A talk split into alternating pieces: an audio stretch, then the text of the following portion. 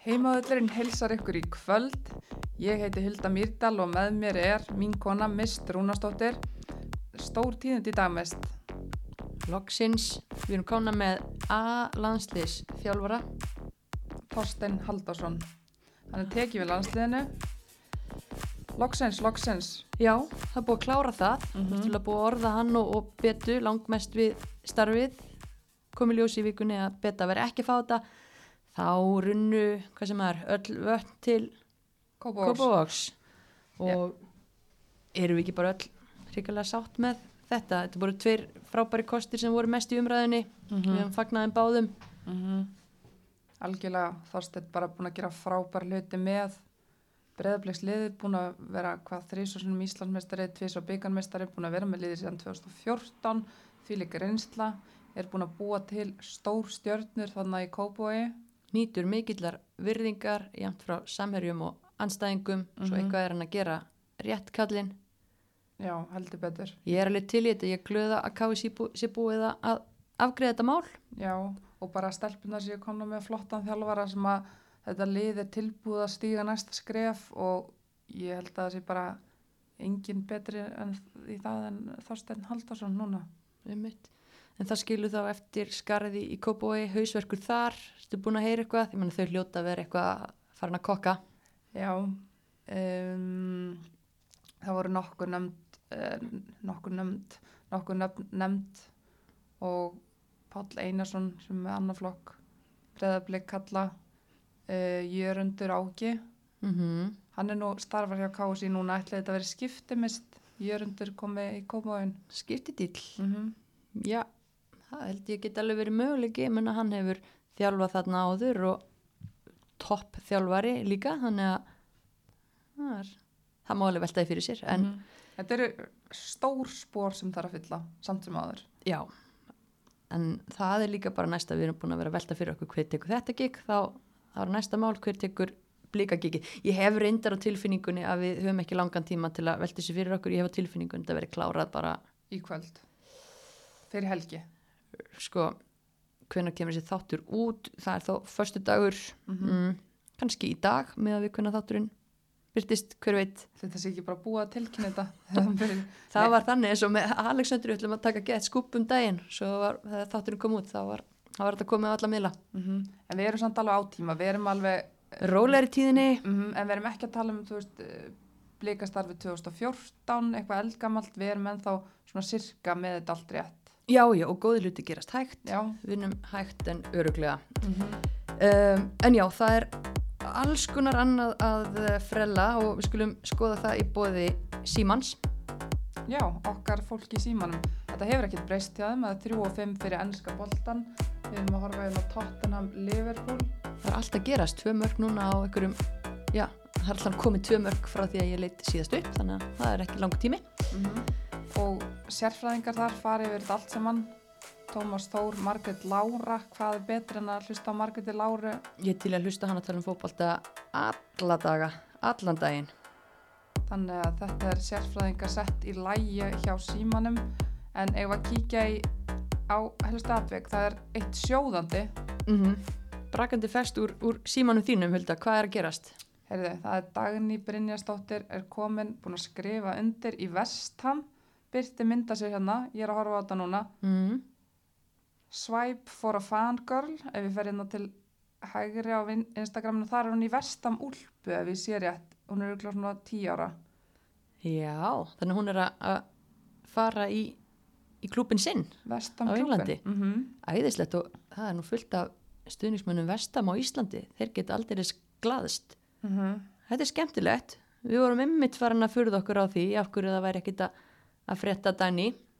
Þetta er bara frábæra fréttir og, og spennandi Vestham spilar í ennskur úrvalstildinni, Já, er reyndar í næri hlutanu þar, smá Tí- stragli tíundasæti uh, sjö stig en eh, dagni hjálpaði þeim að réttu kútnum og, og tryggja sig upp töfluna, engin spurning. En erum við með það er, er fleira búið að gerast. Já, það er endalust að fljúa inn af, af svona félagaskiptum. Mm -hmm. En síðustu þætti og síðustu vikur höfum við verið að tala um Íslandinga í útrás en nú er þetta svolítið að, snúast við það því að íslensku liðin þurfum náttúrulega að stoppa í, í þessi gött og það er aldrei að fréttum á erlendun leikmönnum sem er að koma til Íslands Mm uh, þróttur sækja tvo kanna og Selfoss 1 Katie Heap, miðjumæður í Selfoss hún var síðast hjá Íslandsviðunum í Sparta Prag. -hmm. og svo önnu Katie, Katie Cousins og Shay Murison í þrótt Nick að vin, vinna vinnur sína þarna. Já, báðar með mjög gott og spennandi CV ég held að þessi Katie sem hefur spilað fyrir U20 landslið bandaríkjana sem er nú ekkit slór þannig að það er pressa á, á, á Nick að að halda áfram að- að eiga skátingleikin Mm -hmm. Ætli liðin er svo bara í deildinni, þú veist, drífið sér ekki bara að ringja í þessa leik með núna, þið vita að Nick er að segja eitthvað, eitthvað góða til að bara stela þeim á und, áður að byrja að spila. Allt sem kemur frá Nick, það er gott. Já, já, já, já. Það, er- það er spurning hmm. En það voru líka, það er ekki bara útlendingar í þrótti, þau voru að semja við unga leikmenn. Já, fimm ungar mjög stert að klára það því að maður er búin að heyra að það væri náttúrulega augu eðlilega á unglinga landslískonum eins og Lindu Líf og Andriður Rut og svona þannig að Mm -hmm. gott hjá fólkinu lögadala tryggja sér áframhaldandi þjónustu þeirra, ekki það að ég heldur hafi nú verið á samning en, en það bara sterta semja ennþá, Ég meina, binda þær ennþá fasta niður? Breyðablík vantaði sendir, Linda Lífer hefði verið fitt á þarinn. Hvað af hverju er hún í þrótti áfram? bara henni líði vel þar. Mm -hmm. er að bæta sér sem leikmaður og spennandi tímar bara. Mm það ekki, klassíst svar svona. Jú, frekar svona staðalað og gott. mm En ég meina, við erum aðeins farin að sjá þessi erlendu nefn þetta inn og, og maður velti fyrir sér sko að fólk hefur að tala um erum við að fara að sjá mikið veikari deild næsta sumar, marga farnar út Mm eða erum við að fara að sjá ennþá fleiri erlenda leikmenn en undanfæran ár, hvað þú með eitthvað skoðun á þessu? Þetta breyðablík hefur náttúrulega styrt sér heilmikið og valur sumuleiðis. Ég hef smá áhyggjur af liðanum hérna eins og Salfoss, Mm um, Þór Káa, þau verða bara gefi líka. Það En ég er að tala um sko, einmitt, það er ekkit kannski mikið eftir af íslenskum bitum á, á markanum hvort en þetta verður bara fluttu gámur hérna, þú veist að tala um það. já, ég bara velta fyrir mér hvort það verði fleiri erlendi leikmenn en hefur verið Eða hvort að ungi leikmenn fá bara meira Já, að því að líka svo eru líka mörg félag að koma með þessi varalið eða aukalið Mhm. í, í aðradildina eða mörg, það er alltaf þrjú fjögur og þetta er bara svona, getur verið svolítið öðruvísi sumar sem við erum að sigla inn í Já, ég bara, þetta verður fróðulegt. Það er kannski orðið sem að við veitum ekkit hvað við erum að fara út í. Nei uh, En já, við veitum ekkert hvað hann fara út í uh, við erum allar búin að sjá neitt fótbolta en, en það er byrjað að spila á Íslandi náttúrulega slatti af æfingarleikjum en svo er Reykjavíkumótið það er nú eitthvað, eitthvað, eitthvað trúðsháttur þar. mjög sérstætt í ár. Tveir riðlar, þrjú lið í einum og, og tvö í hinnum ég skil ekki alveg okkur ekki bara hendi einn, einn góðan solid riðil. samt? ég veit það ekki, en sko ég er ætlað að vera með og dróði sig úr, eða hvort það var fjölinir annarkort Já, og uh, já, Reykjavíkumestrar fylgis er basically komnar í úslitaleikin eftir sigur á einu mótörjum sínum í sínu riðli þetta, þetta er galið. var nú skondið þar að þar var Edda Garðastóttir aðstofþjólari þróttar komin í markið Mm tók fram sko ekki bara skona heldur fann hún Hanskana. einhverja hanska líka og sástu hérna bós legglífarnar sem hún föndraði Hún var, hún var að föndra legglífar úr sko hverju. Gamlurum hátölurum. er þetta ekki svona, þú veist, coverið eða pakningin utanum, Ég er bara edda mín. mér finnst þetta dásanlegt, Þetta var geggja, var spilað með þessari markinu. Það lítur að vera. ég hugsa það Hún geti farið í samstan með bó. já, hugvits kona með Bós, meiru, en hún já. fekk á sig þrjú mörg og fylgir fyrir úslitaleikin Friðrika Arnardóttir hætti allavega hún að taka sér pásu frá fótbolta Mm -hmm. sem að við erum nú svektar yfir hún verður 21 árs á þessu ári Þetta er ekki tíminn til að pása. ó nei, Pásaði bara, þú veist, ert að hlusta þú veist, 21 árs mist og hulda segja þér kannski, já, fínt að taka pásu en, en hérna nokkrum árum eldri við segjum nei, uh -uh. taktu, taktu pásu 35 ára, farið þau í heimsösu þá. Já. En hérna, eða heimsösu hvað sem hún er að fara að gera, en hérna, við viljum hafa það áfram í boltanum. já, og þetta gildur um aðrar jafnöldur og, og unga leikmenn sem er eitthvað að fara að taka sér pásur það er ekki hægt, þetta er svo gaman en já, hérna Valur og Víkingar er að spila í þessum töluð orðum mm -hmm. og um, held við getum svona regna fastlega með því að, að valskonur klári það og, og þá er það ústillaleikurinn Valur fylgir og valskonur geta reynda að leita hemda frá því fyrra en það er samt skrítið að komast ekki á þessa leiki Reykjavík móti, það er alltaf ákveðið sexapíl yfir því móti Er það? Já, Sexapíli við Reykjavíkumótin í janúar Hulda. það er það, þetta er Það er ekki mikið til mót. að glæðja þig. Jú, það þarf reyndar. Mér finnst þetta alltaf gaman að kíkja í eigilsöllin á góðan leik. En sko sexapíl eigilsöllin í janúar er þá ekki bara allt í lagi að streyma þessu heima Það er ekki sama, það er ekki sama, það er ekki sama stemmingin. Þannig að ég, ég sakna þess og ég bara þetta áhorfenda bann, ég býð spennt, hvað Þórul segir. En það er, það er fleiri mót sem maður kemst ekki á. Það er annar deildamótið. Já, er því ekki bara lokið Bóri Aliskap, þú varst okkar hérna helsti sérfræðingur um, um það mót uh, Mm fengum hérna KM stúlkurnar sem að standa fyrir þessu móti til að segja okkur hans frá því síðast -hmm. og það er leikmaður þar sem að er í reyndar í IR sem að var í miklu stuði í þessu móti skoraði nýju mörk í tveimur sigurleikjum IR unnur Elva Traustadóttir mm -hmm. Mjög spennandi leikmaður 22 ára. Kortnung átti geggjað sumar með IR í annara deildinni síðasta sumar. Bara skemmtilegu leikmaður.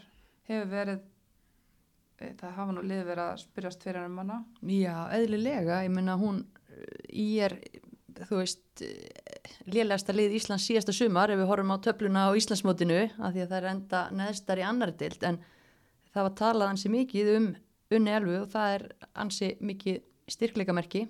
Mm -hmm. ef þú ert að skora. Hún var valinn knaspinkona í er líka fyrir sína framistuð þannig að Mhm. þetta er leikmaður til að fylgjast með gott fólk. Engin spurning. En uh, við ætlum að fá til okkar tvo góða gest í dag og svo fyrri er mættur. Uh, knatsbyrnu þjálfarinn og, og spekulantinn og ég veit ekki hvað og hvað Daði Rapsson og við skulum bara fá hann í sett til okkar Daði Rapsson, velkominn Takk fyrir það. fyrir um hvað, þróttari, þraukari, haukari, bliki og nú hákavingur eða hvað? Já, já, margir litir þannig. Já, Já, samt ekki. Nei. Rauðir, hvítur og bláður. á, ákveðið þema og náttúrulega fyrir um kínveri Já, Þú varst í, í Kína líka, akkurat. en hérna, þú veist að taka við nýju starfi á HK. Já, Hvað, segð okkur aðeins frá, frá því? það er hérna kallað yfirmaður knaspinu þrónar. Það er þannig að ég hef bara það hlutverk að, að fara og fylgjast með hennum eins og þáttum félagsins. Bara frá yngri flokkum upp í mestarflokka og, og bara reyna að leita leiða til þess að bæta starfið og, og vinna þá með því góða fólki sem er að stýra þar. og það er bara frábært að fá það takkifæri að, að hérna, fá svona horfa hlutinu utanfrá að við erum ekki fastur í ringiðin alla daga heldur svona koma svona droppa ofan og skilja eftir eina, tvær vonandi stundum ekki bara fílubombur og, og hérna og, og vonandi bara leiði það til þess að háká geti þú veist átt flott félag til bara framtíðar og enda efnið eru mikill og, og frábæra aðstæða og flott fólk hann á bakið Já. Og þetta er nýtt starf, þannig að þú ert kannski svolítið að, að þróa það með klubnum eða, Já, í raun og veru, þetta er svona að því leiti að þeir vildu bara svona er leiti einhverja leiða til þess að segja, koma svona ferlamálum og svona bara reyna að vinna einhver, einhvern veginn fagmennsku og, og þjálfun og öðru þannig kring. Og nú er maður búin að vera í þessu svona uh, meir enn tvæ vetur og, og reykja sig á ýmislegt á leiðinni þannig að vonandi bara nýtist það einhvern veginn og ég er allavega mjög spennandi og vera að fylgjast það með mestarflokkunum undarfarið og, og náttúrulega gaman að það sé komið fótbolt aftur í gang, maður þarna fyrstu tvo mannu og það var engi fótbolti nei, leiðilegt að byrja á, á skrifstofunni bara. Já, einmitt, þú veist, bara fyrst við erum í þessum þætti, þú veist, það, það er komið nýtt þarna lið, raun og veru, bara á öðru ári, mm. -hmm. mestarflokkur kanna í HK sem að er farin upp í fyrstu deild og, og það er skemmtilegt verkefni að, að bara hjálpa þeim að ítundi það Mm með koppa á hans fólki. Um mitt, var það þeitt fyrsta verka að ráða Jakob Leo eða? Nei, hérna, getum ekki sagt að það var fyrsta verk en, en hérna, það var hérna með þeim fyrri að fá að vera með því. Já, geggja, það er allan að fylgta tækifærum held ég og spennandi tímar framundan hérna hjá hákáingum. Já, já, og, og hérna bara mjög ánægilegt líka að, að vera ekki í skástyriki, sko, þú veist það, ég held að það sé gott fyrir viking, gott fyrir háká, gott fyrir framtíðina, veist, þetta eru þá fleiri mestrarflokkar fyrir stelpunar til að alast upp í og hérna þó að kannski félag hafa verið í úrvasteld fyrir tveim, þreim ára svona saman þá held ég að þau hafi þá börðið til þess að bara keppa um það innan skams að, að komast þarna á sínum einn fórsendum og, og þá bara vonandi eru fleiri stelpur eins og ég segja að fá sénsa.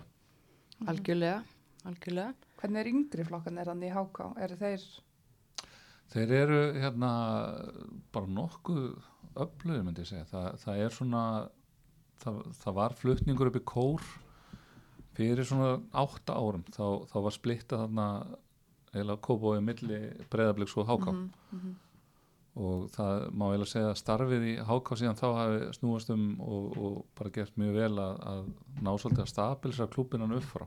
Já. Svona á gamla rætur en alveg eiginlega nýtt hverfi mhm, þannig mikið nýju fólki og, og, og hérna og það hefur tekist það vel að þetta er náttúrulega um þúsund manna klúpur þúsund, þúsund leikmenn þannig að þetta er einn af tveim, þreimur stærstu klúbunum á landinu hvað fjölda var þar en hérna og, og kallan er konur úrsteld og, og konur stefna þannig að sjálfsögða á næsta árum. En, en það er nú ekki það gerist ekki sjálfur sér. Þannig að það þurfa þá allir í félagin að mhm, að róa í þá átt að, að vita að það gerist ekki sjálfur sér og, og, og hérna, taka þannig á hlutunum mhm. Algjörlega. Þetta eru spennandi tímar. Þú ert líka eitthvað svona að því að þú ert alltaf með mörg, mörg játni í eldinum. Ertu ekki líka stúsafullu í háskólanum í Reykjavík? Jú, jú, ég hérna, er í doktorsnámi þar e, og, og hérna svo er ég líka fagstjóri afræfsins MK þannig að hérna, þetta allt tengist og, og bara stuðu hvert annað Og hvað eru Og- margir klukktímar í sólarhingnum hjá þér? það eru 48 Það er Það þannig. hlýtur bara að vera. Já, þetta er, og hefur tíma í þetta allt. Sýnir sem, öllu að... sem stendur Já, þannig að hérna, já, það er magnað, það er bara vel gert. En hérna, ég verð nú að spyrja þig að því að, að þú varst nú... þú er nú þekkt mér lengi mest ég hef aldrei haft eitt játn í aldrei Nei, það er rétt. Það er rétt. En hérna, að því að þú varst nú lengi um, blikamegin í, Kópavóinum og það voru nú að berast risa fréttir, það er búið að hérna, ráða alanslistjálfara Já. og, og Þorsteinn Halldórsson eh, hreppir hnossið og tekur við skútinni. Það er gaman svona að heyra kannski þín viðbröð við þeirri ráðningu að því að þú þekkir nú steina vel. Já, uh, auðvitað einhver leiti hlutræður en, en ég miðast þetta borlegjandi. Uh, Steini er bara frábær kostur í þetta starf og ég er bara virkilega sanglaðist honum að, að fá þetta tækifæri. Og ég held að hérna, hann sé algjörlega klár í það. Og ég bara, á- bara ég held að við getum bara sett þá pressu á þetta landslið að stefna núna að komast á HM, næsta HM Mm ég hérna Steini er bara ótrúlega færi þjálfur, er mjög gott að vinna með honum og, og hérna hann hefur raun og veru þessi ásmunum við breyðaflik, þá var hann byggt upp þrjú lið sem að öll náða árangri. Það var 2015 lið sem að vinna fyrsta Íslandsmennstatitilin í tíu ár. Og það er hann með svona kannski svolítið svona Galacticos lið sem að hann eru Hallbera og, Kó og, og hérna. Og svo aftur 2018 þá var hann komin eða bara með miklu yngra lið þannig sé í hendunar, svona nýja stelpur það er Alexandra og Agla Maria og þessar stelpur komnar á, á, á, stjá og, og hérna. Það, það er hörkuleg líka svo breytist það líka veist alltaf þegar það gengur vel þarna þá bara fl flýja þetta til útlanda sem, að, sem er bara frábært. Og, og svo bara toppar hann þetta með að taka ennþá yngra lið og, og, og hérna og snýta mótinu í sumar sko á þannig hátt sem hann gerði. Þannig að við getum alveg treyst því að hann kann að byggja upp lið og, og, og hann er með mjög svona ákveðna bara leikfræði sem er ekkert of flókin en, en, en mjög árakursík hann undirbýr sig hreikalega vel. Og svo sem að skiptir bara mjög miklu máli held ég fyrir leikmenn er að ég held að þeir geti alltaf treyst því að sama sama hvort þessi í liðinu eða út úr liðinu það getur alveg við sem að það sé bara einfallega þeirra ástæð hann telur það vera best fyrir liða þeirri stundu að það er ekkert annað þar að baki að þú veist ég held að allir leikmenn sem að vera með steina bara átti sig algjörlega því að, að, hérna, og, og líka því að þú veist, það skiptir ekki máli hversu unga eða gömul eða stóri eða lítil þú veist, þú bara ef þú ert að performera þá, þá áttu séns Mhm. En hvernig típa er Steini? Nú, þú veist, maður svona fyrir mig, ég sé hann og hann nýtur bara svona, að það er respekt yfir hann svona, er hann, er hann rólegur, er hann alvarlegur? hefur ekki hert hann öskra hann á verðinu Jú, ég hef heyrt hann öskra, en svona bara fyrir leikmenn að nálgast hann, eða þú veist, er hann, er hann hress?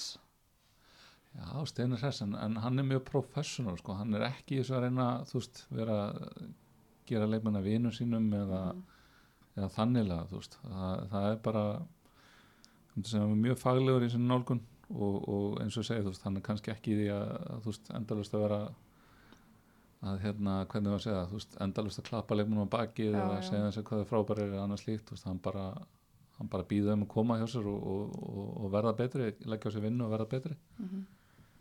og, og bara virkilega þú veist, hreitn og beitn í sínum sarskjöfum eitt, sem að- eitt af mikilvægsta sem mér fannst ég svona læra á honum er einmitt þetta, þú veist, að vera bara hreitn og beitt þú ert að tala að leifmenn, þú veist, það er eitthvað að segja það bara Mhm. og, og hérna það er mjög góðu kosti fyrir þjálfara Já, algjörlega og það er kannski áhugavert að sjá bara þegar við tala um hann og, og svo náttúrulega teimi uh, Óli P.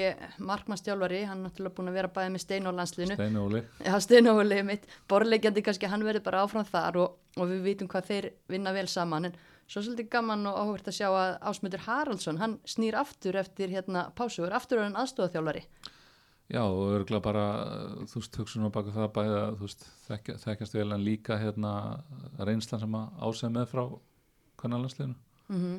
þannig að hérna, það hlýtur að vega bara þungt í þeirri ákvörðun og, og hérna, þetta bara hörsku teimi Já, kom kannski svolítið óvart en svona ef maður pælir í þessu virðist þetta bara hafa verið mjög góð pæling eins og þú segir, nýta reynsluna og Hann hefur farið á mót áður. Ási hefur farið á mót og hann hefur verið að skoða lið og þekkja lið alveg og Óli og Óli er búin að vera hann lengi líka og þú veist þannig að þetta verður örgulega mjög, það verður örgulega ekki hægt að kvarti verður undirbúningi sko. Að, Nei. að mann þekki ekki liðin sem er að spila gegn og, og slíkt sko. En sérðu fyrir þér einhverjar þú veist, breytingar heldur að Steini kom inn og vilji hamra eitthvað inn strax eða, eða svona rennur hann mjúklega þann inn eða þetta er ekki smá verkan í byrjun að það ekki verður ekki koma einhver hérna leiki við Frakland og er smá, Suður-Kóreu, já, það smá challenge og Noreg og það ekki Heldur hann sem byrjaði að bara liggi við vídeospólum? Já, hann er auðvitað strax byrjar að pæla í þessu öll svona. en Já. hérna, en, en ætla hann láti ekki þú veist, uh, ætla hann láti ekki ása sjá um hennar tölumálin Já, á sig, góður, góður í hérna- klipinu já, þannig að hérna, en, en jú, þú veist þeir undirbúa sér hekilega vel og, og, og Steini og ólíkan tíðina þú veist, árangun í Európa-kenninni síni það líka, ég held að menn kannski átta sig ekki á veist, þessu með að vinna spört og Prag. Mm því að það hefur verið lið sem hefur verið bara í tóttunum á Evrópu undanfæran ár sko. Og, og þannig að það var mikið árik og jafnvel hérna hefur verið svona spurt út í steina ellendur frá. Þannig að Já, þetta ok. er bara mikill fengur Já, eigum við ekki bara að vera ótrúlega spennt Jú. fyrir þessu Já, ég, ég heimilegðan það, ég, ég er mjög spenntur fyrir þessu fyrir landsliðið og, og ég, ég held eins og ég segja að, að þær geti treyst á að, að hérna, leikstílinn er klár og, og, og hérna og þær hafa allar, þú veist, jafnan sjans eins og ég segja, þú veist, það, Mm. þó hann komi kannski úr blika meinu lífinu þá held ég að það verði aldrei neitt sem að muni, þú veist uh, já, skipta máli í liðsvali Þurfum við að byggja fyrir blikum Þetta eru stóri skóra fylla Annars, Hvernig ætla þær að fylla þessa skó? Það er ekki er hægt. bara rosa góð spurning uh, bara best að spyrja Eistein Lárusson að því hérna. Já, já, er að- hringja henni fyrirmálið og uh, já, það er örgulega hausverkur Heldur að það sé klárt? það er örgulega allavega búið að vinni þannig að hérna, já, maður er sá öðru Við höfum smá tíma til að svona reyta hárið og, og velta fyrir okkur möguleikum. Mm -hmm. já, já, en, en auðvitað bara hvað eru nýju leikmenn farnir Einmitt. sannarspunnir Mm frá síðasta tjómbili og, og hérna og þessi árangur sko hefur verið góður en, en, en það er mjög það, þetta er ekki bara steini sko þetta er líka fólki á bakvið sem er rosalega öflugt og, og það er mjög svona góður hérna hvernig við segja, svona gott bakland í þessu -hmm. stjórnin og frangöldustjórin og, og allt það lið sko Úlvar Hinriksson alltaf skiptir sér öllu þannig að þetta á bara það er allt til alls á orðingi Mhm, ok. Já, þetta verður spennandi. En hérna, Daði, þú hendur inn hérna langri og góðri Twitter-fæslu um daginn sem að vakti aðteglu okkar og fleiri og það ertu svona veltaði upp uh, af hverju svona margar íslenskar knaspinnukonur eru að, að semja erlendis og, og við stórlið erlendis. Og það væri svolítið gaman að hérna, heyra aðeins frá þér varðandi svona þær pælingar. Það er náttúrulega búið að vera eins og þú ert að nefna hérna, þvílíkt farar snið á, á hérna, mörgum að bestu ungu leikmörunum okkar. Og hvað veldur? það er eiginlega að utan veldur það það að það eru stórliðin í Evropu eru að taka við sér bara loksins. Og, og það er bara kannski 6-7 ár síðan að ég er alltaf sjálfur í Þísklandi heimsóttu nokkur um Dortmund og, og þá bara sögur varum frá henn af hverju, hverju óskapinu að vera eða tímanu með þetta? En nú eru þeir bara að starta hvernig lið og, og hérna, hef ég leik í haust að ég, að ég til vera rétt. Mm. og, og sama svipaleiti fór maður til Mönkenglabak og þar voru þeir sem heldum kannalið þeir voru með lítið budget en, en voru svona uh, setja metna í þetta voru þá í þriðu delt, fóru upp í úrvalstelt og fjall aftur og þá voru þeir svona að reyna að leita leiða til þess að skera budgetið og, og, og, og svona nota því leikmenn frekar heldur en hinn á þessa hluti held- heldur en umgjörð Mm -hmm. en þá var fórsetin komin alveg inn á þessa lí- línu sko, nei þú veist þið skerið ekkert í umgjörðinni og, og neitt svoleiðis heldur ég vil að séu hérna, ég vil að konur í mannfæklafa geti og, og þessu svæði geti speikla sig í félaginu við erum bara félag uh, svæðisins. Mm. og það er svona annar drifkraftur nýði fyrir utan þú veist þessi peningabúl að, að hérna, það er að aukast peningar í þessu og, og markaðan er að þroskast Mm bæði sjónvarsréttindi og, og svo það að leikmenn fara að kaupum og sölum en það er líka bara þetta eins og líka það ekki maður aðeins til í hérna, Real Madrid þegar, þeir hafa verið að setja upp sittlið að ef þeir segjast vera sko lið fólksins í sínu héraði Mhm. að, og, og helmingur fólksins getur ekki speikla sig í því að þá ertu bara í vandræðum uh, þú veist, kannski komast upp með áður fyrir en getur ekki lengur. Þannig að það var hugmyndur á baku þetta Takón sem að varð síðan fjallinn í Real Madrid og er, er núna farið að keppandi þeirra merkum. Mm. Barcelona hefur gert frábæra hluti undan ár. Og þetta er að mörguleiti svona klúpar drífa, eru drifnir áfram með mitt af þessu eins og Dortmund er uh, einhvern veginn komið til Dortmund það er bara þetta er bara kirkjan á sæðinu Vestfælanstadjón og, og, og, og liðið er bara trúabröð Já, og, og þess vegna er ótrúlega mikilvægt, mikilvægt líka að þeir hafi tekið skrefið, United hafi tekið skrefið og bara sett mm. metnaði þetta. Mm. þannig að markaðurinn á þróskast uh, eh, en hann er mjög óþróskað samt að margulegur hérna heima gerist það síðan að 2009 fer hérna, landslega hjem og það og maður var nú sjálfur að þjálfa það fyrsta sem þjálfaði er sjöttaflokk 15 og hvernig eitthvað svo leiðis á þeim aldrei sko og maður fann bara hvernig svona, hvað það gaf mikið kraft mm -hmm. Fyrsta skipti á EM mm -hmm. Já, fyrsta skipti á EM og, og fjölmila tóku við sér og það var bíumind og, og þú veist, Sigur Eikar Sterpunum var alltaf að veist, uh, koma fram í fjölmilum veist, tala um fókbaltakvenna og, og það varð svona þannig að þetta varð allt einu sínil ég man eftir að vera með eina Sterpu í blikunum sem var alltaf að spyrja mig þú veist, þegar, þegar þetta var að fara í gang hún sagði, hvernig stendur það að það er alltaf að sína gamla leiki með strákum en ekki nýja? Það er mjög en góð ekki, læ- ekki læg, læg með stelpum sko. Hvernig Sko, svarar þessu? Ég sagði bara að skrifa upp á stötu sem að ég held hún hafa gert. Það lítur að vera.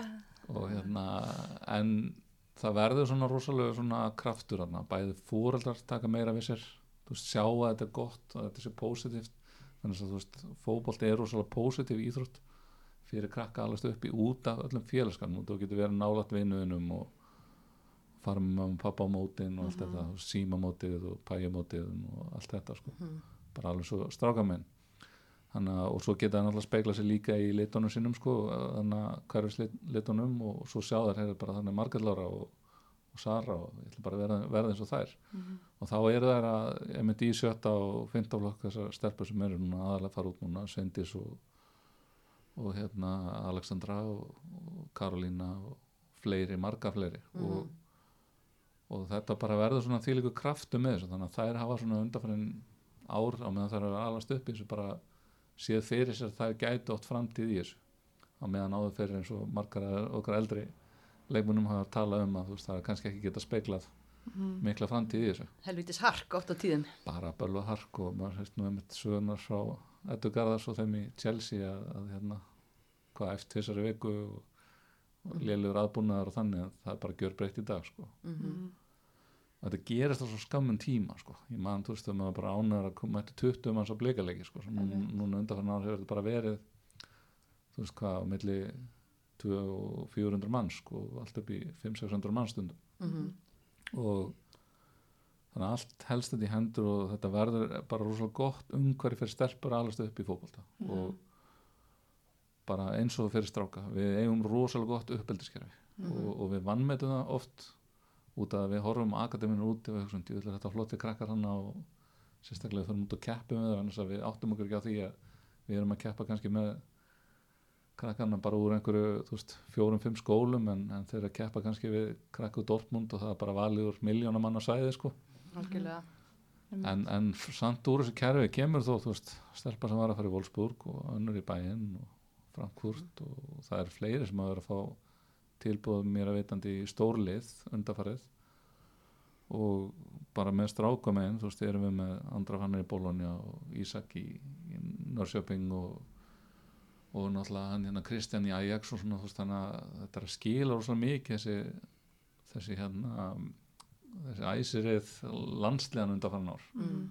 það að krakkarnir hafi gilu upp á vegg og, og hérna hann að söru undanfann ár. Og um svipa leiti og maður svona fann þetta líka í við, þekkjum nú gamla daga þetta er svona álgært hliðapródukt í félagunum mm. en að kvennaboltinn verður allt í einu svona hafinn meira í öndvegi og maður fann þetta líka sko blika nú alltaf hugsa vel um, um konun sinna sko en, en það var svona lagt ekstra meir í.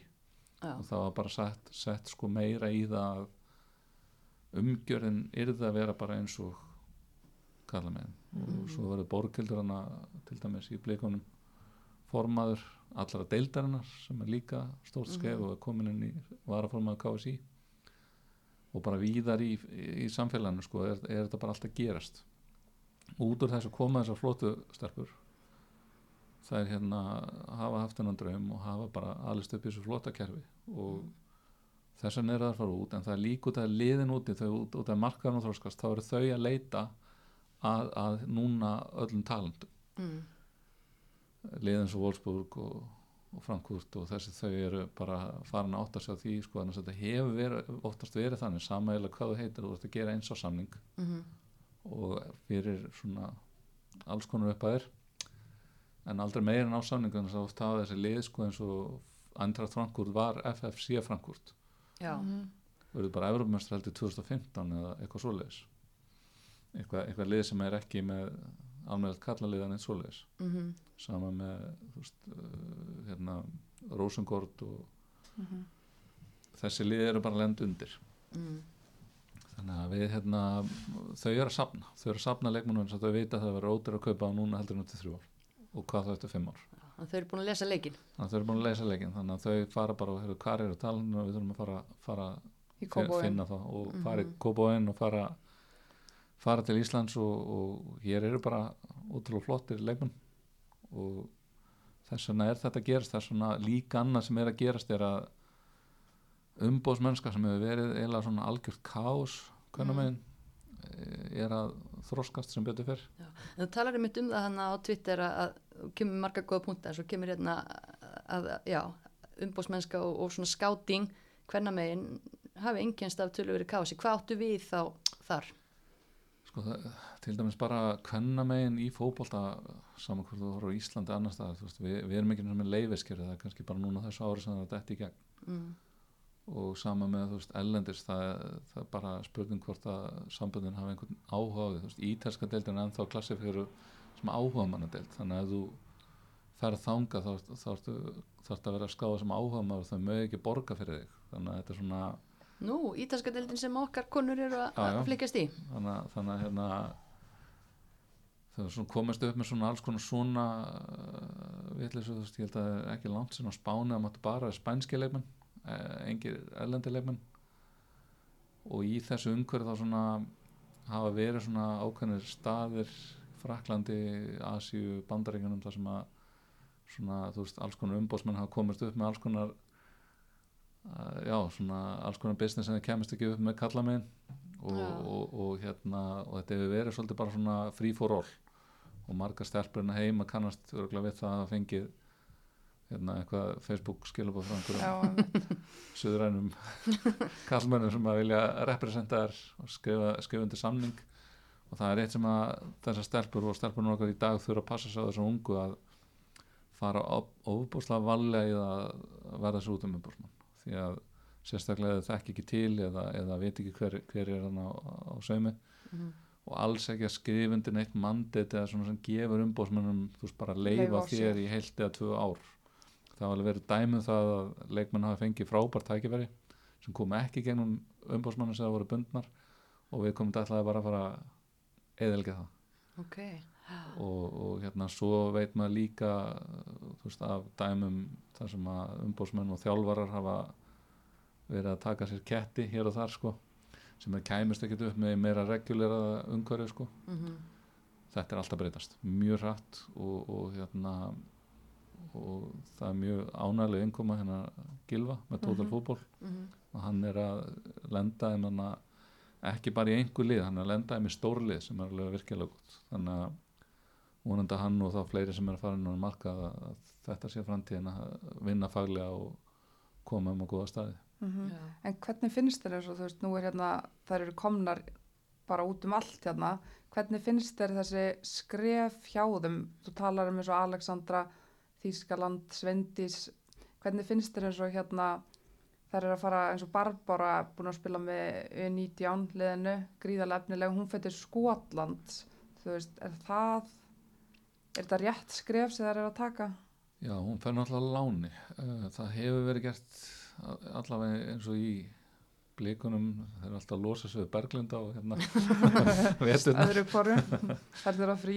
Berglind þar sól og, og blikarnir þurfa að losa sig við Berglind nei, hérna, en það er, þú veist, getur verið bara sniðut eins og á Selfoss að, að í staðan fyrir að hún sé að æfa þarna í kvöldu Selfossvelli í januar og svona hún farið bara út og Í kallt Skotland. kallt Skotland og, og spila Nei, nei, en hérna það er ekkert atvinnumennsku og atvinnumennsku mm. veist, það, það gildir bæðið um strák og stelpur að, að þú þarf að skoða náttúrulega bara rosalega vel hver er kosturinn og það er líka margar stelpur búin að fá tilbúð sem að svona, jújú, jú, við fyrstu sín verðast flott og flott í fjöl og annars svo fyrir maður að skoða, þú veist, kannski að það er ekkert verið að leggja mikið í þetta eða, og launin er ennþá hrikalega lág.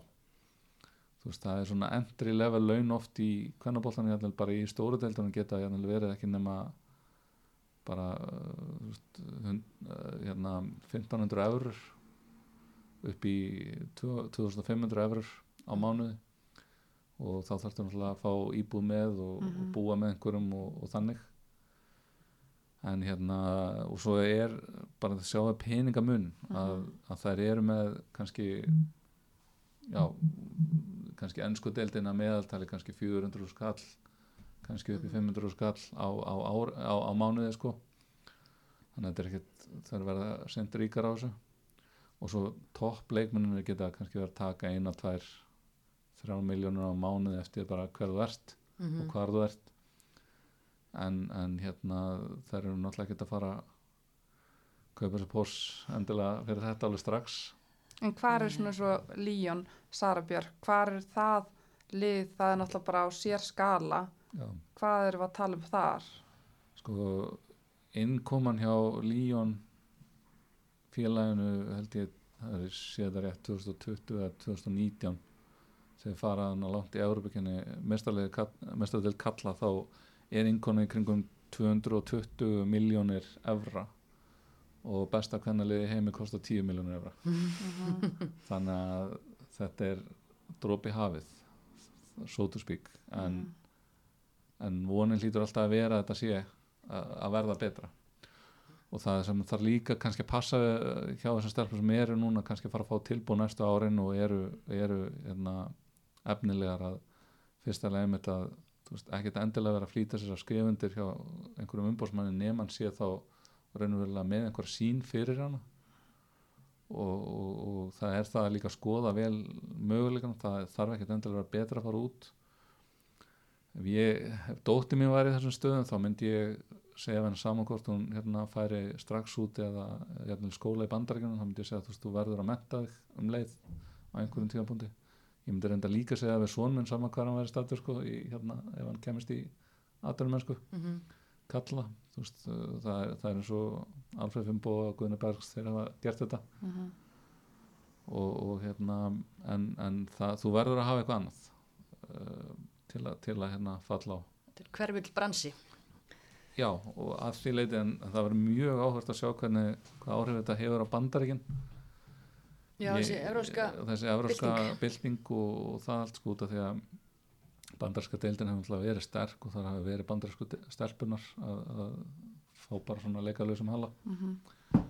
en hérna nú eru bara eins og þeir eru að koma út úr hérna háskólanum bestu leikmennir og þeir eru bara farnar í Atletico Madrid og Lyon og, Mhm. og, og það er bara erfitt að keppa þetta fyrir kanona því það er með allt annað business mótur heldur en já, þessi ekki eurósku lið heldur að sambandi þar breyðist ekki við? Hlýtur að gera það en það, þau þurfa þá eiginlega að fara í meiri svona deild eins og MLS og struktúrin er svolítið sérstakur hann í, í bandarækjunum og svo með háskólabóltan þetta geti haft áhrif að sko allra bestu stelpuna þær horfið þá út til Evrópu. Fyrir heldur en hefur verið. Og, og að sagt, e- ef þær sjáu am ameríska háskólan sem einhvern möguleika þá er það að vera sko virkilega góði skólar eða virkilega gott nám. Og það er alveg hægt að mæla ennþá með því sko þannig þess að þú ert ekkert endilega að fara að stíga mikið inn í topplið Európu fyrir náttúrulega svona 22, 34 mm sem tekur stórt hlutverk. Og þær er alveg að gera það. En það gæti alveg virkilega breytt svona þessum balans yfir að eftir nokkur ár þá eru kannanir ekki Mhm. með þessa yfirbörði sem hafa verið í, á landsliðsvísu. Ég var einmitt, þú veist hérna HM síðast í Fraklandi og maður talaði mikið á kunnum og þau voru öll skjálfand og beinum sko yfir þróuninni, heldur bara að þau var að missa af lestinni. Já, ég farið með blikalið að keppa við lið á Spáni og ég meina ef að þú veist, þegar þau eru búin að ná geta sétt og geða sko, það er rosalegur bolti í þeim stelpum sko. Mm. og, og hérna bara ókvæðinlegt sko, maður sá það bara á HM líka með spámarina Mhm. og, og náttúrulega frakkar og þjóðar þetta er, þeir eru farnir að rúla, og- rúla á öllum sko, þá það var erfitt fyrir kannan að keppa við það. Já, og, einmitt, og þú, þú segir líka sko einmitt í þessari Twitter bombuðinni að endar er svolítið á því að þetta sé rétt að byrja. Hvað hérna, hvað sérðu fyrir þér í í framtíðinni?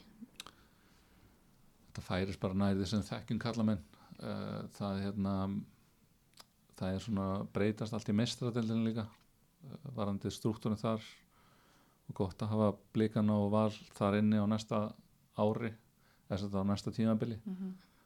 en, en hérna þetta fer að breytast yfir það þetta fer bara nær því sem við þekkjum kallamenn Fara kallanir ekkit bara á ennþá hærra að stærra svið og veist, munbili minga helduru?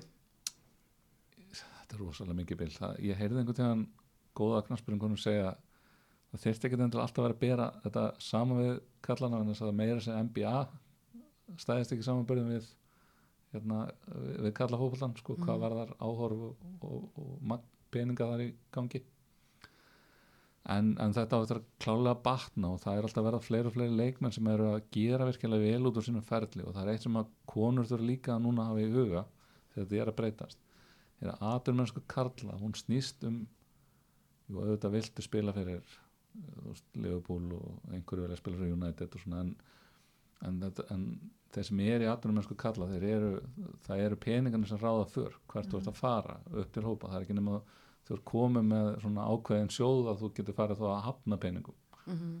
og, og svo ertu náttúrulega með umbósmenn og, annað slíkt sem eru þannig bakvið en þannig til dæmis íslensku kallanir hafa verið að taka gig í Kína, Rúslandi uh, Katar og svo framvegis bara eins og, og fótballamenn alls þar um heiminn Mhm. út af því að það eru góða samningar og það er eitt sem að þú íslensku stelpunar ekki verið tilbúin að gera. Þeim hefur búðist nokkur um stóri samningar í Asíu, Kína, Kóru en það eru ekki verið tilbúin að stökka en, en vonandi verða það þannig að það hafa þó kostin á því í Evrópu að, að taka svona samningar sem að geta það skilaði þannig að það er eiga allavega e, eiga, já, eiga allavega bara íbúð og, eða, eða húsið sitt eða já, bara svona hafið komið þokkalega að stað í lífinu Hvað er mörg ári að, að 35 ára gömul kona sem er búin að toppa Evrópu geti farið til Kína í svona tvö ári og, og mókaðinn gefið áreitanir já, Þa, það er bara búið að vera í gangi nokkur ár sko. og, og hérna fyrir laun- allan skalan bara sko, í launin í Kína Kóru eru alveg vel samkennsaf sko. Mm. Og, og meir en það, sko, veist, það, þegar við vorum út í Kína gáttu alveg kefti bæinn og PSG og náðaðin leikmannum og svoleið sko. en, en, en þetta er auðvitað stór stökk fyrir unga leikmann að, fara svolítið óþekkt svona. út, út í hið óþekta já, sem þetta alveg er og þetta er öðruvis og alls konar svoleið sko. en ég menna það kvartar engi þegar kallarnir fara þú veist, þannig að Sölvi og Viðar og, og þessi, ég menna þetta, þetta snýst um þetta. Þetta snýst líka um það, þú veist, þú þú, þú ert auðvitað viltun á árangur, það er mjög gott við að stelpunum okkar, það eru mótiverar af innri áhugakvöld að þessu að ná árangur, það vilja standa sér vel fyrir landslið, það vilja vinna titla og allt þetta en Mhm. en félögin með ekki þú veist, með, þau með ekki gera lítur sem faktor líka að þetta snýst nú líka um að hafa í sig á þú veist, að, og þess vegna skiptir eins og segir, mentunin ennþá líka máli mhm, en það eru, ég ekki til einar brasilíska sem er búin að vera í Kína í fimm ára á einhverju samning sem skilur henni kannski 30-40 miljónur ári í vasan þú veist, það er, hún hefur ekkert áhyggjur af hvað hún býr í framtíðinu, sko, hún nei, kaupir sér bara hús þar hún vill. Þannig að hérna, þetta er alveg hægt sko bara hvað ertu tilbúin að gera. Mhm, en auðvitað þú ferð til lífunum bara eins og Sar og þáttur sör í, í því bara hvernig lita af íslenska stelpur í dag bara já, hann, hann er bara ómetanlegur að, að svona hennar attitúdkraftur og, og bara svona hvernig hún hefur tæklað sinn feril allan hann enda þar sem hún enda, eða þú veist þar sem hún er í dag. Mhm, það er bara því líka liftastöng fyrir allan íslenskan fótbolta. Mhm. og, og, og, og hérna en, en auðvitað væri gaman ef þær getur komið með stærri ferðartöskur heima að penningum líka. Já. Starri það- ferðartöska peningum, já. Það kemur, en konur eru líka með miklu betra fjármálavit en kallar er það ekki? Þannig að kannski jafnast þetta út eða, mögulega. Nei, auðvitað hérna, eiga þeir að fá betur borgað en, en það eru framfarir. Klálega og, og ég mynd svona að fatta þetta eins og kringum EM 2017 þegar það fer allir allir herskari á fólki út. Mhm. Og all aðteglin sem var á þessu það var svona pressa á liðinu sem var svona skemmtilegt sko og mhm, og, og, og það voru svona kannski einhverju kringu liða sem fannst það skrítið sko, alltaf bara komið svaka pressa og standa sig og svona.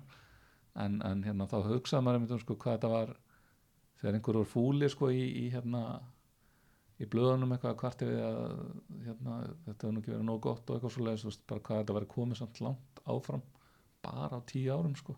Já, bara frá 2019, nei 2009 og, og þangað þetta bara tók stökk, áratuga stökk sko. Það er líka það sem við viljum að fólk hafi skoðanir og það er held ég stelpunar fíluð þetta þó þeim hafi kannski verið smá brugði. Þær fíla þetta, þær vilja láta tala um sig og, og vera í blöðunum.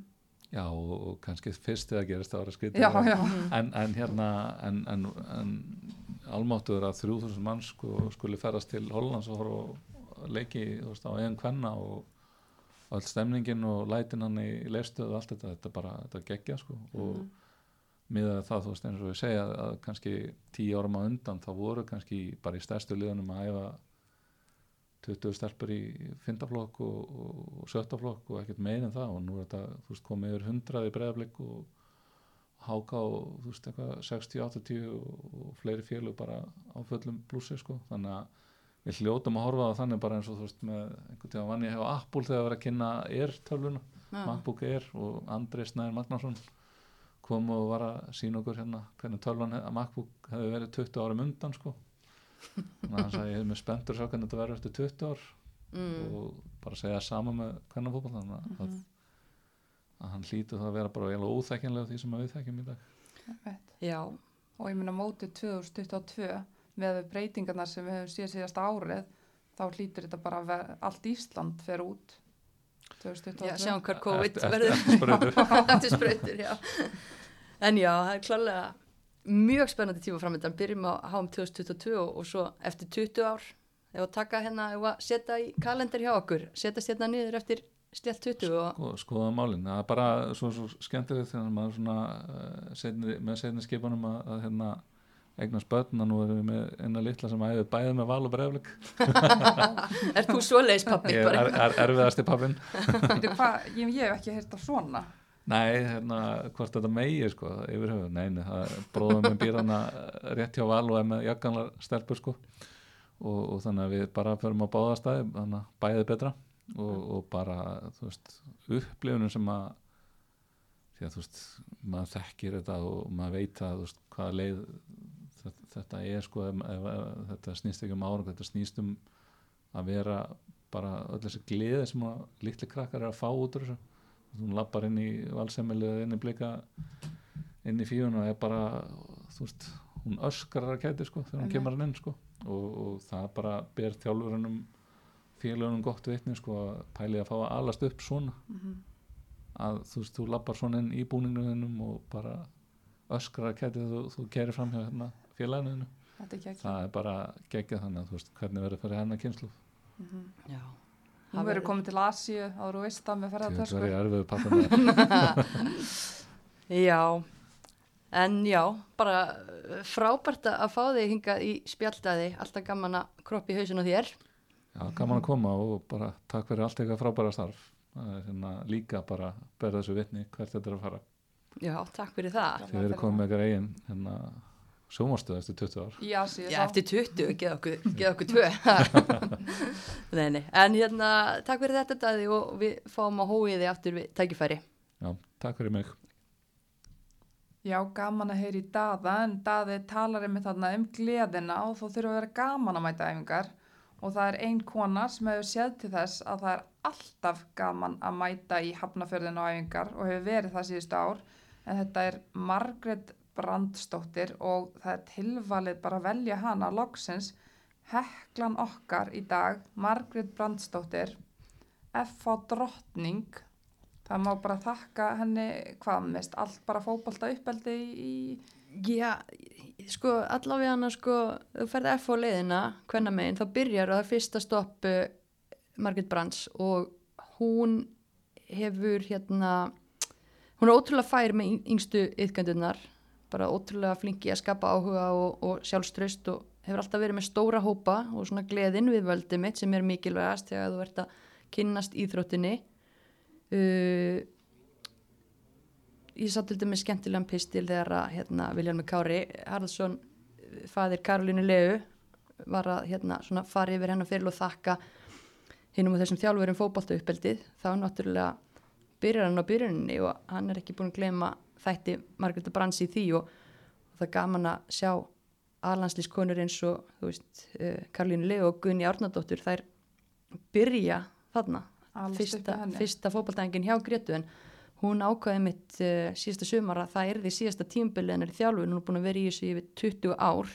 Mm þannig að það er talandum sko uh, stór skörð og, og, og skó að fara í sko að, að Mhm. það er ekki bara erfitt að fylla á meistaraflókstöðuna í, í Kópavogi, veist þetta er það sem skiptir svo ótrúlega miklu máli og svona þjálfarar eins og Greta vaks ekki á, á trjánum, það er alveg að reynu Mhm. og eins og hún segir hérna það var ekki nógu mikill kraftur í kvennastarfinu hjá FH þegar hún byrjaði mm -hmm. þannig að hún eh, sagði að hún geti gert þetta betur sjálf og það hefur hún gert, hún hefur haldið þessum stelpum bara við efnið þarna og gott betur en það það er ekki nógu að halda þeim við efnið heldur hún hefur gert bara stóra hópa þarna í FH Já, talar um það um þetta, það er sérst úr viðtali sem byrtist við hann að fréttablaðinu í, í Mhm. sumara þegar hún svona fer í þetta þar að því hún á sérst, dóttur þarna og náttúrulega hefur áhuga en, en þá eru sex stelpur í fymtaflokki og núna er FH með hérna uh, um 40-50 stelpur í öllum flokkum frá 8. flokk og upp úr og þú veist, auðvitað er hún ekki eini í þessu en þetta hérna, skiptir máli þetta skiptir máli og, við sjáum það. Og það sjáðu allir, Já. Margrét. Og það verður mikil eftirsjá af henni en, en hún er búin að eiga það stórum þátt í að skapa flotta umgjörð sem er þetta viðhalda í hafnafyrinum hún er tilbúin að ganga fólki. sátt frá. En já. En Heklan uh, já, í bóði bíla umbóðsins Heklu er Margrét Brandsdóttir vel að þessu komin. Virkilega, svona fólk þurfum við. Mm þannig að við bara tökum allt á móti góðum tilnefningum í hekluna og þessi var svo sannarlega verðskulduð. Klárt. En það er mættur hérna á hurðina næsti gestur, hún er mætt. Ekki bara gagt í bæinn, bjóða hana velkona mm og þá er næsti gestur dottin í hús og hún er ekki af verri endanum Andrea Mist Pálsdóttir nýjasti leikmaður Breiðabliks komdu uh, hjartanlega sæl og, velkomin á heimavöllin Takk hérlega fyrir það. hvað segja konu gott Bara hljómandi þessa dagana. já, Fyrir utan það að við erum þjálfurleysar en það fyrir vonandi að skýrast núna næstu dögum. um eitt smá skellur að að, hérna, dempa sér í, í kópóin og, og kort er í setna þá er búið að skipta um mann í brúni eða það er ekki eins og búið að finna mann í brúna Nei, það er allt í vinslu en hérna þegar ég fór að fund náttúrulega með stjórninni á breyðafleika þá var Steini víst ekkert búin að heyra í KSI en það breyttist fljótt eftir að KSI vildi ekki að beta myndi sem sagt, taka bæði landslið og, og Kristjánstað þannig að þetta var fljótt að breytast en svona er þetta bara. Já, þetta er bara áhugavert og spennandi en hérna að því að við erum nú hérna í bóði Dominos, Hulda ef við ekki að byrja á að, grilla gestinn aðeins. mm, grillana með spurningu þá Já, reyndar ætla ég að fá að peppa Dominos Já, sem er að, með er að hérna, bjarga uh, veganúar fyrir hérna, landsmunum. Það er náttúrulega bara 20. og hvað 8. jan stutt eftir, þannig að fólk getur ennþá prófað ef það er ekki búið að testa. Það er náttúrulega kajún brölunar, geggjaðar, er, bröðstanginnar. það, er það nýjar? Já, Já. það eru vegan, Já. kajún, spicy og nice, ok, svo kanilgotti vegan og nú komið ný pizza vegan veisla. Ég sá mynda henni reyndar og ég er ekki, ég get alveg sagt að ég uh, er kannski ekki mesta græmyndiskonan en ég sá mynda þessari pítsu og ég gæti alveg sótt mér hana eftir þáttun Þetta er samkallað lostæti stelpur, ég er að segja ykkur það. Bara gefið þessu sjans, uh, þið verði ekki sviknar og svona bara svona smá bónus að því að það er uh, alltaf, alltaf ásamlegt hjá Dominos, það eru netdagar þannig að basically allar sótar pítsur að matseli er á 1790 kall ef þú sækir Ef þú sækir, sóttar pítsu einmitt, sótar eða þú sækir. mm geggjað Þannig ég sé bara jalla jalla á mannskapin ná ykkur í hérna, vegan veislu á 1790 kell og, fullkomniði veganúar mánuðin. sóld, Ekki? jú, algjörlega Það mátti spurja. á ég að spyrja Já. og ég ætti að ætla að spyrja mig Nei, Nei, spurja við getum bara að fara í spurningarleik setna tvær. En að, ok. Dómin og spurningin. Eh, þessi nú kemur í ljós hvað þú ert búin að kynna þið vel kópóin, Ok. heldur þú veitir mikið um, Nei, þú veist, ég veit ekki um neitt í Reykjavík sko. Hvað voru er ekki Reykjavík, og hvað þá í Kópavogi sko. Ok. uh, ok, hver er leikjahesta knattbyrnukona breyðabliks frá upphafi Berglind Björg wow. Ú, og hvað heldur hún sem marga leiki drottningi sjálf Ég myndi gíska á svona 132 pluss, mínus, svona 70. mm En, hún hefur verið lengur í þessu já, 208 leikir. En vel gert með Berglindi. Hvernig, vissur þetta bara? Að, Hún er bara the real queen of go machine sko. þú Já. búin að lesa, hérna, vinna heimavinna þína. Já Og hérna, já, vel gert. Ég átti ekki vona þessu. Þetta verið trikki, sko. Já, ég hefði örgulega giskað á Kristrúnur Lill Daðadóttir eða eitthvað. Nei, Jú, hún á fullt af leikjum. Og reynda fullt af mörgum. Örgulega næstu ég að mörg mörg á leiki. já. En, En við erum Já. hér með Andri, þannig að hvernig er að vera komin í grænt? Það er skrítið að því að grætt fer mér svo illa en fólk er ekki sammála því en annars lími vel að vera komin í Kópavogin. Hvað kom, hvað kom eiginlega til, segir nú bara. Um, sko þegar ég samti við FA og það var sem sagt rættu við þetta þannig ef að FA myndi falla en þá myndi sem sagt, samningurinn í raun renn úr gildi en við ákveðum bara í samningu ég og stjórnin hjá FH að, að ég myndi sem sagt, uh, bara vera á samning og ég myndi bara fara á lán af því að ég stemdi á að fara út en út á COVID þá er allt svo mikið spurningamerki. Þannig að þú veist, ég var svolítið hrættum að vera að fara aftur út og svo myndi deildin kansilast og ég er föst eins og kom fyrir á Ítali þannig að ég bara tók desembermánuðin mjög rólega og fór á nokkra fundi með hérna nokkrum liðum Hvaða lið var það? ég, ég ætla held ég ekki að gefa það upp sko en þetta eru liðið svona í topparátunni og það tók alveg á að vel á milli en um leið og ég fór á fund með steina þá bara vissi ég nákvæmlega hvert mér langaði. Algjörlega, hvað hérna já, að því að tala um steina sko, ég ætla nú að spyrja honum á eftir en en við fórst að fund með steina vissi nákvæmlega hvert þú vildi fara. Það lítur þá að vera smá skellur að, að hérna, Já, Þeirra- þetta er það skellur. Ég, hérna, ég spurði hann á fundunum bara um leið, bara verður þú þjálfari? Að því mér myndi langa að spila fyrir þig. Og á þeim tímapunkti var hann ekki búin að fá skilaboð frá KSI eða ringingu eða eitthvað svo leiðis. Þannig að það stemdi ekki í þetta. En ég er bara mjög glöð fyrir hans hönd því að þetta er frábært tækifæri fyrir þjálfara og allir þjálfara dreymir um að, að vera með allansliði. Hann, en hann hendiði á mig að það er bara ennþá meiri pressa á mér að koma mér þá í landslýsópin mm, hann að ég bara stefni á það og vona að besta algjörlega, en það tók svolítið tíma að hérna, fá þessar fréttir að þeirra því að minna komin núna bara janúar. Uh, hvað ertu búin að vera að brasa í, í haust? Ertu búin að vera líkjundi feld eða? Já, ég er svolítið, ég er búin að fá eða ég fekk á tímabili nokkuð tilbúið utan sem að ég skoraði alveg vel og, og allt stemdi í það að ég færi út. En svo var eitthvað í kollinum á mér sem að sagði að ég sérst, ætti freka bara að fara í stórveldi hérna heima og ná kannski að toppa eins meir í sumar af því að ég endaði á svona góðum nótum með FH en fannst ég ekki hafa sínt mig alveg nóg mikið. Þannig að ég, ég hugsaði þetta þannig að ég myndi fara í, í topplið hér og sína og sanna mig og kannski koma betri tilbúið utan í haust. Mm, annars var ég bara að æfa með FH í millitíðinni. Já, varst að efa með FH? Já. Og Hvernig, kannski ef við bara spólum aðeins í síðasta sumara því að kom náttúrulega líka óvart þegar þú fóst í FH og hérna náttúrulega ríkalega súrt. Þið voru bara drullu lengi í gang en, en eru svo komnar í stuð í rauninni þegar að mótið flauta af. Hvernig svona eru bara tilfinningar og viðbröð við því öllu? Og eru þið búin að jafna ykkur?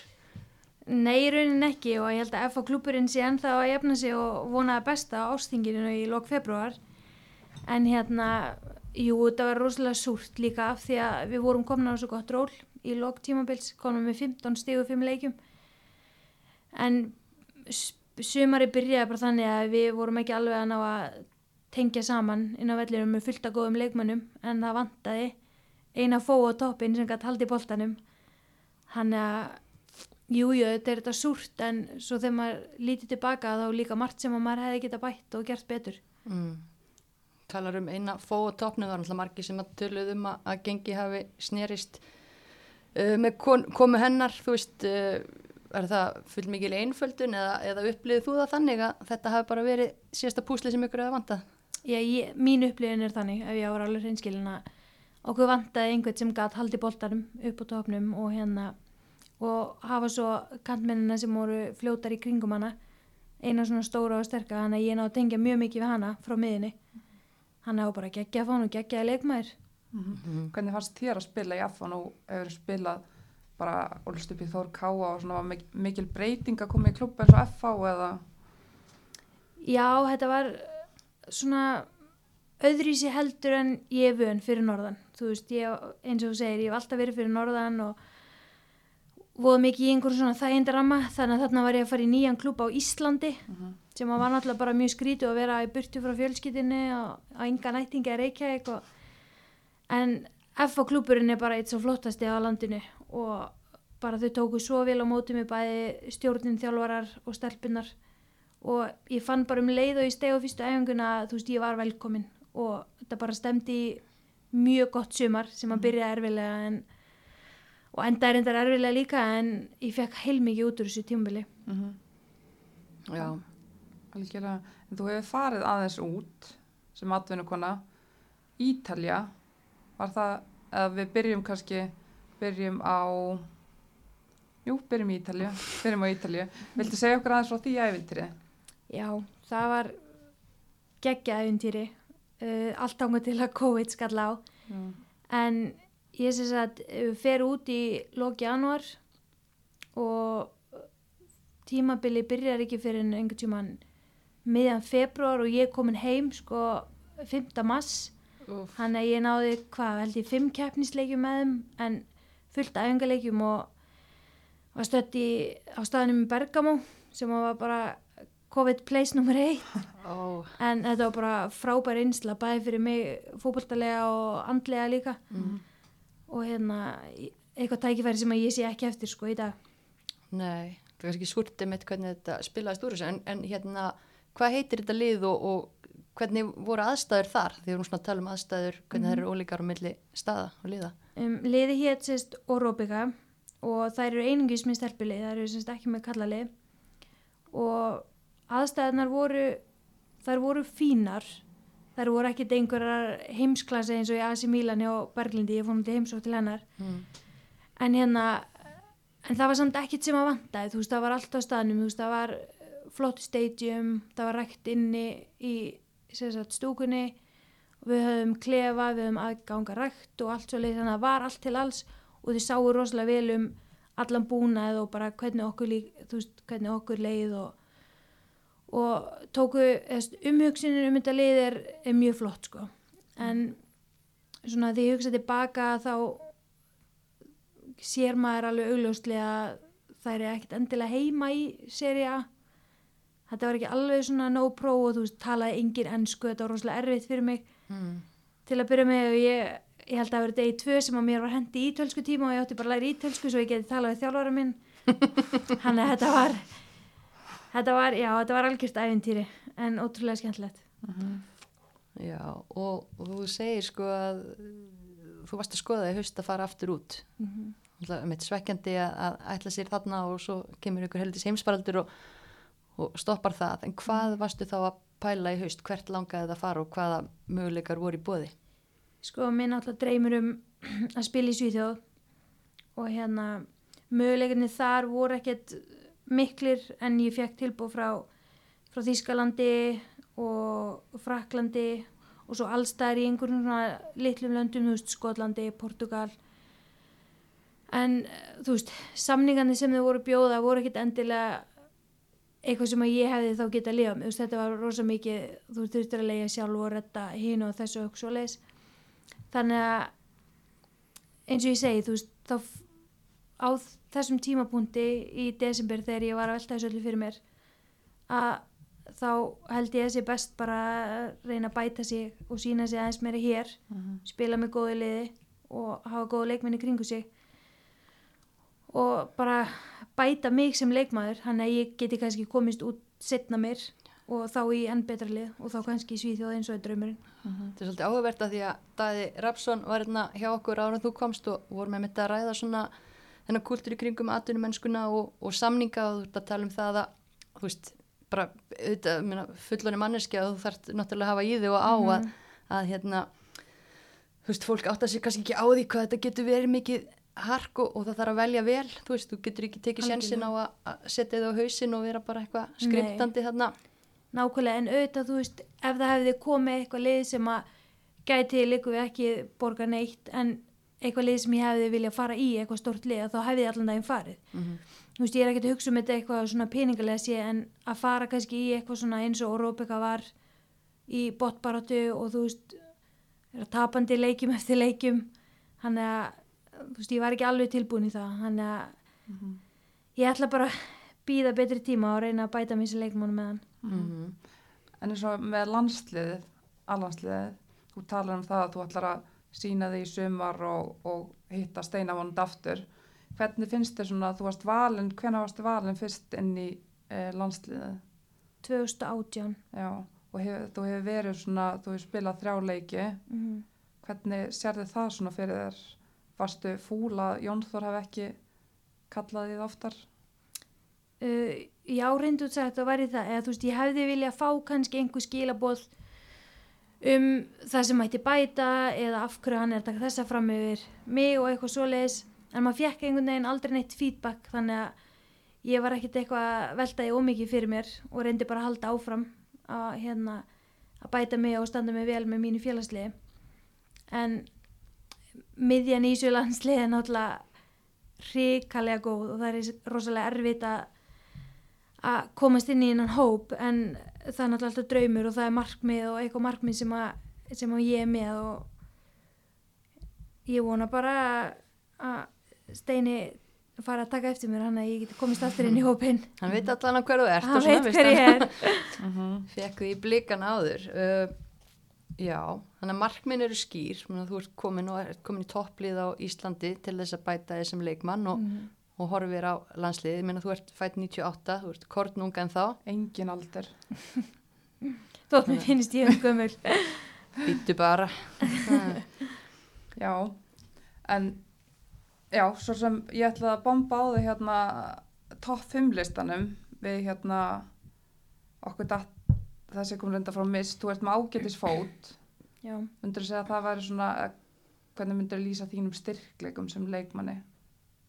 Ég myndi lýsa einmitt sendingum og líka að geta nota bæða hæra og vinstri. Mm það er svona, ég fæ oft spurninguna hvort er þetta hæra eða vinstri fótar þú veist, jú, ég nota meira hæri en ég er samt svipa góð með bæða hæra og vinstri þannig að það eru mínu kostir. Mm. þá datt mér svona í að spyrja þig ef þú eftir eftir hérna að hafa spilað örgulega við allar þær bestu hérna í deildinni. Hvað ertu búin að spila, hvað varstu gömul? Þú tókst fyrsta meistarflóksleikiðin? Mjög mann eftir ykkur barni hlaupa á Já, káurvellinum sko. eh, 15 ára, held ég að vera fyrsta leikur. Það er, Já, það er nú orðin nokkur ár síðan nokkur ár síðan, þú hefur spilað við ófáa leikmenn.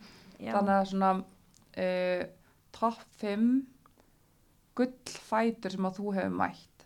Bara einhver sem að þú veist að þú ert að spila miðinni að þú verður að loka á þannig helvitis fót annars kemur einhver draumabolti Mhm. Það er náttúrulega ekki spurning það er að Hallbera nummer eitt. uh -huh. Um, svo er Lilli Rutt með hrikalega góðar hæri fót. Uh -huh. En vinstri fóturinn er ekki alveg virkur en hún er að vinna í því. Stóðfótur eða? Já. uh, Guðni Árnadóttir. hún getur lúður á Hún, langt já, já, bara hvert sem er og hvena sem er. Væri hún ekki að taka aukaspinnu fyrir öll önnu lið í þessari deild eh, nema val og, og mögulega breyðablik? Mm, jú, ég held það. Og bara hotspinnur og bara neymit, sko. Um, svo verði ég eiginlega að segja Laura Pedersen. Ég spilaði með henni í Þórká og hún er hrikalega svona sníki með sendingar. Hún er með mjög góða sendingar. Mm. Og áslumunda. Já, Ég hef bara séð það núna á síðustu æfingu hún er mikið að geða vinstri fyrir. þetta eru Fót, sko. nokkra, nokkrir nokkra vinstri lappir annars ef þú velur tvær, Það- ekki? Já, Sko þeir sem að eru vinstri fóta eru oft mjög sérstakir og Já. eru þá alltaf með góðar sendingar, sko. Það er Mhm. góða sendingfót. Mhm. En skelvilegan hærifót Já. Oftast já, Mynd, Myndaði nú með fínan hærifót Já, hún er búin að vera æfa núna síðustu dag, það fyrir alltaf að koma. Já, já ég listin make a sense hann meika mjög mikið sens ég er myndið að hugsa munið maður alltaf í rassa þú veist, ég verð ekki til að fá með tíu mörka móti móti þessum nei, mótið tíu og láta skjóti rassina þér. Já, Með, voru þið ekki jú, jú. Alltaf í því, Það- Mhm. þetta það myndur Í miðinu á markinu. Já, miðinu markinu? Mm Já, þannig að þetta voru topp 5 gullfætur. Gullfættur Andriðu mistar en, en þú talar hann um uh, æfingu. Og ert búin að kynnast uh, fætinum á, á áslögu mundu þannig Mhm. að blika æfingu, ertu búin að mæta á margar æfingar í Kópói? Uh, ég er búin að æfa núna í viku. Ok, Þannig að- hvernig er ástandið á, á mannskapnum? Gleði að, að- byrja þetta? Já, það er gleði og svo er náttúrulega sorg eftir frétti gerðdagsins. en hérna, en hópur lítur bara mjög vel út og, og hérna, þetta stefnir í gott sumar. Markmiðin hljóta að vera bara alltaf þau sömu í Kópói Já, já, það er bara titil bara, það er ekkert annað í búið. og ég meina þú hefur orðið Íslandmestari Já, 2017 með Þórka. mm þú ætlar að gera það aftur Já, klálega komin tími til. Já, það verður bara mjög spennandi að, að fylgjast með þessu. Hérna, heldur þetta verði eh, aftur svona tveggja hesta hlaup svo kallað á milli vals og breyðabliks er of snemt að segja til um það kannski. Mm, já, það er kannski of snemt að segja til. Mér finnst lið ennþá vera einhvern veginn að næla sér leikmenn fylgir er með mjög flottan hóp Mm. og hérna getu verið að slást hann í topparatunni um, en svo eins og ég segja það eru fylgt að liðum ennþá að sækja sér útlendinga og það eru ennþá Íslendingar sem eru held ég spurningamerki. Svo Katrín Áspjós til dæmis hann að hann er nei, ég held að þetta verð eh, ég vona bara að þetta verð ekki þessi tvö að að það er, þú veist, leiðilt að deildin er svona skipt. Hann að ég vona bara að liðin verði meiri jöfn og verði meiri spenna í þessu. Mm. Algjörlega, hefur þú hýrt eitthvað nokkuð, viðstu nefnir nú Katrin Áspils, búin að heyra eitthvað slúður eða? Nei, nefnilega ekki, ég er bara velti fyrir mig hvað hann ætlar að gera. En það kemur í ljós Algjörlega, Kemur allt er í ljós.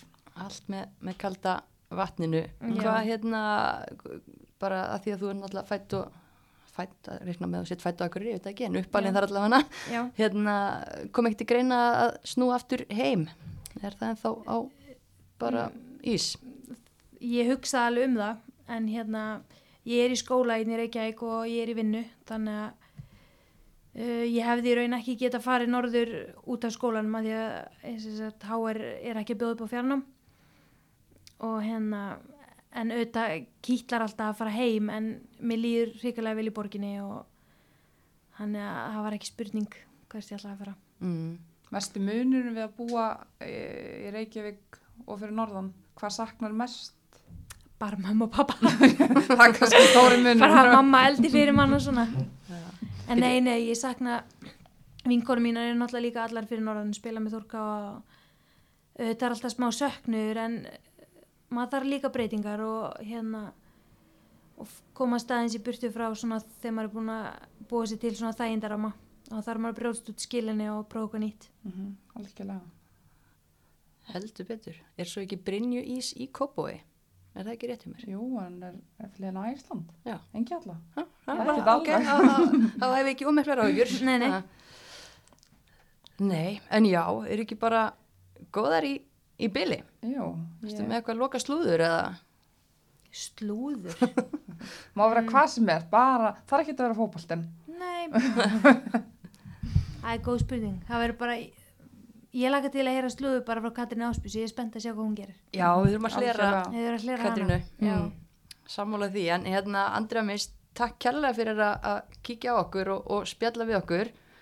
Bara gaman að sjá þessi áhugaverðu félagaskipti og ég vona að þú verður ekki þjálfaralegs mjög lengi. Nei, nei.